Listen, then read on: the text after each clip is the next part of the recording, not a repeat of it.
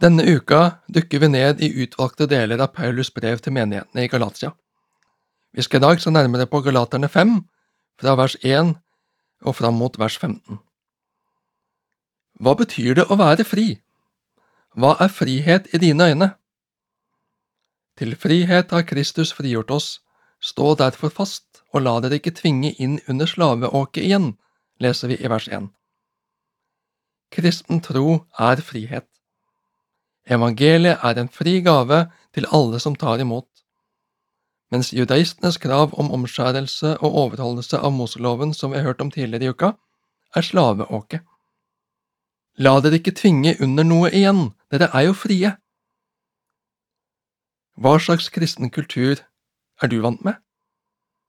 Er det mye du skal og mye du ikke skal, eller er fokuset slik som Paulus vil understreke hva vi har og er i Jesus Kristus. Vi leser videre. Hør hva jeg, Paulus, sier dere. Hvis dere lar dere omskjære, vil ikke Kristus være til minste hjelp for dere. Jeg erklærer igjen, hver den som lar seg omskjære, er forpliktet til å holde hele loven. Dere som vil bli rettferdige ved loven, er skilt fra Kristus. Dere er falt ut av nåden.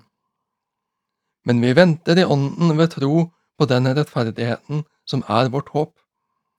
For i Kristus Jesus kommer det ikke an på om en er omskåret eller uomskåret, her gjelder bare tro som er virksom i kjærlighet. Paulus kommer igjen tilbake til denne omskjærelsen. Hvorfor gjør Paulus et stort nummer ut av det? Det er jo et svært lite inngrep som ikke trenger å bety så mye. Det er ulike kulturer som praktiserer omskjærelse av ulike grunner. Er det så stor en sak? Hadde omskjærelsen for disse judaistene bare vært et fysisk inngrep, eller kun et seremonielt ritual, hadde det ikke vært noe problem for Paulus. Men for judaistene var det noe mer. Det var et teologisk symbol. Omskjærelsen var et ytre fysisk tegn på at de var lovens folk. De stolte på loven og overholdelse av denne til sin frelse. Og det gjorde i praksis nåden til noe perifert. Troen for disse var aldri nok. Omskjærelse og lydighet mot loven var et avgjørende tillegg.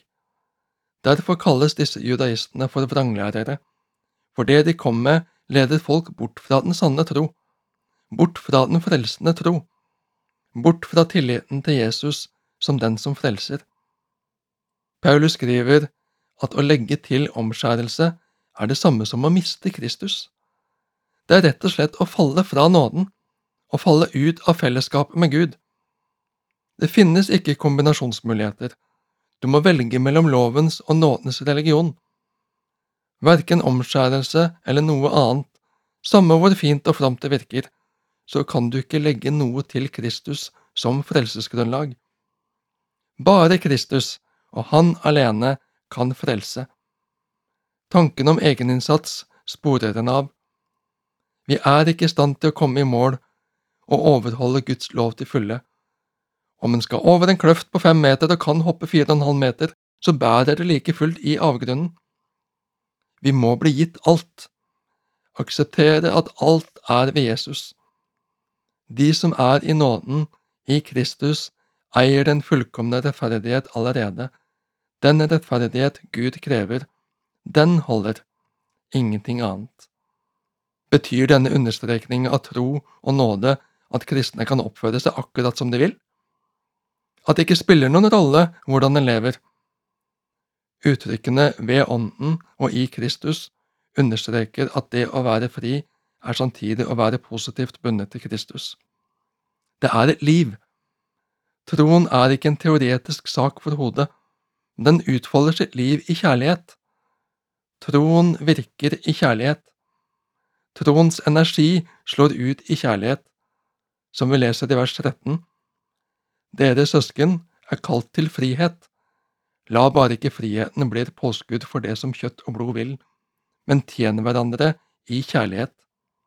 Frihet er det høyeste ideal vi har i vår tid og vår del av verden. Frie valg av alt fra matvarer til politiske partier og religion. Det frie mennesket som kan skape sin egen framtid ved å gjøre egne valg. Det frie individet med rett til å stå over fellesskapet når det gjelder livsvalgene. I dag er holdningen at alle tidligere moralsystemer og tradisjoner er kun egnet til å begrense det allmektige subjekt, altså meg selv, min frihet, derfor forkastes de. Frihet er blitt retten til å ikke bare mene, men til å handle som jeg vil, som jeg føler for. Det underlige er at denne friheten til å gjøre som jeg vil, i dag viser seg i en holdning som fordømmer, svartmaler og henger ut de som har tro for noen grenser og litt andre verdier enn dem selv. Paulus ville kalt en slik frihet for slaveri, slaveri av sine egne lyster. Kristen frihet inneholder verdier som ikke er i nærheten av verdens frihet. Det er en frihet til å leve etter Guds vilje.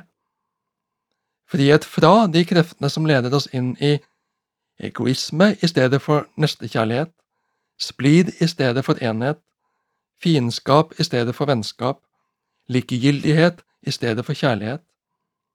I Galatia sto nå menigheten i fare for å ete hverandre opp, slik uttrykker Paulus det i vers 15. De glefset og bet etter hverandre som ville dyr. Det var nok både heftig og ufin krangel og strid. Var dette fruktene av det de lovvennlige judaistene lærte? Var de ikke blitt frommere enn det? Kristen frihet betyr ikke at vi vil være ulydige mot Gud, men vi er ikke lydige på grunn av frykt, eller gjør ting for andre fordi vi vil oppnå noe. Gud har allerede gitt oss verdi og sikkerhet i evangeliets gave, frelsen av nåde alene, ved troen alene, og evangeliet og Kristi kjærlighet for oss motiverer oss til etterfølgelse i kjærlighet. Over bibel var ved Frank Vårhaug. Serien produseres av Norea Mediemisjon, og hver fredag formiddag tilbyr vi forbønn. Ring oss på telefon 38 14 50 20. Det var 38 14 50 20 mellom klokka 9 og 11.30. Eller du kan sende oss ditt forbundsemne på e-post postalfakrøllnorea.no, eller bruk gjerne vår Facebook-side.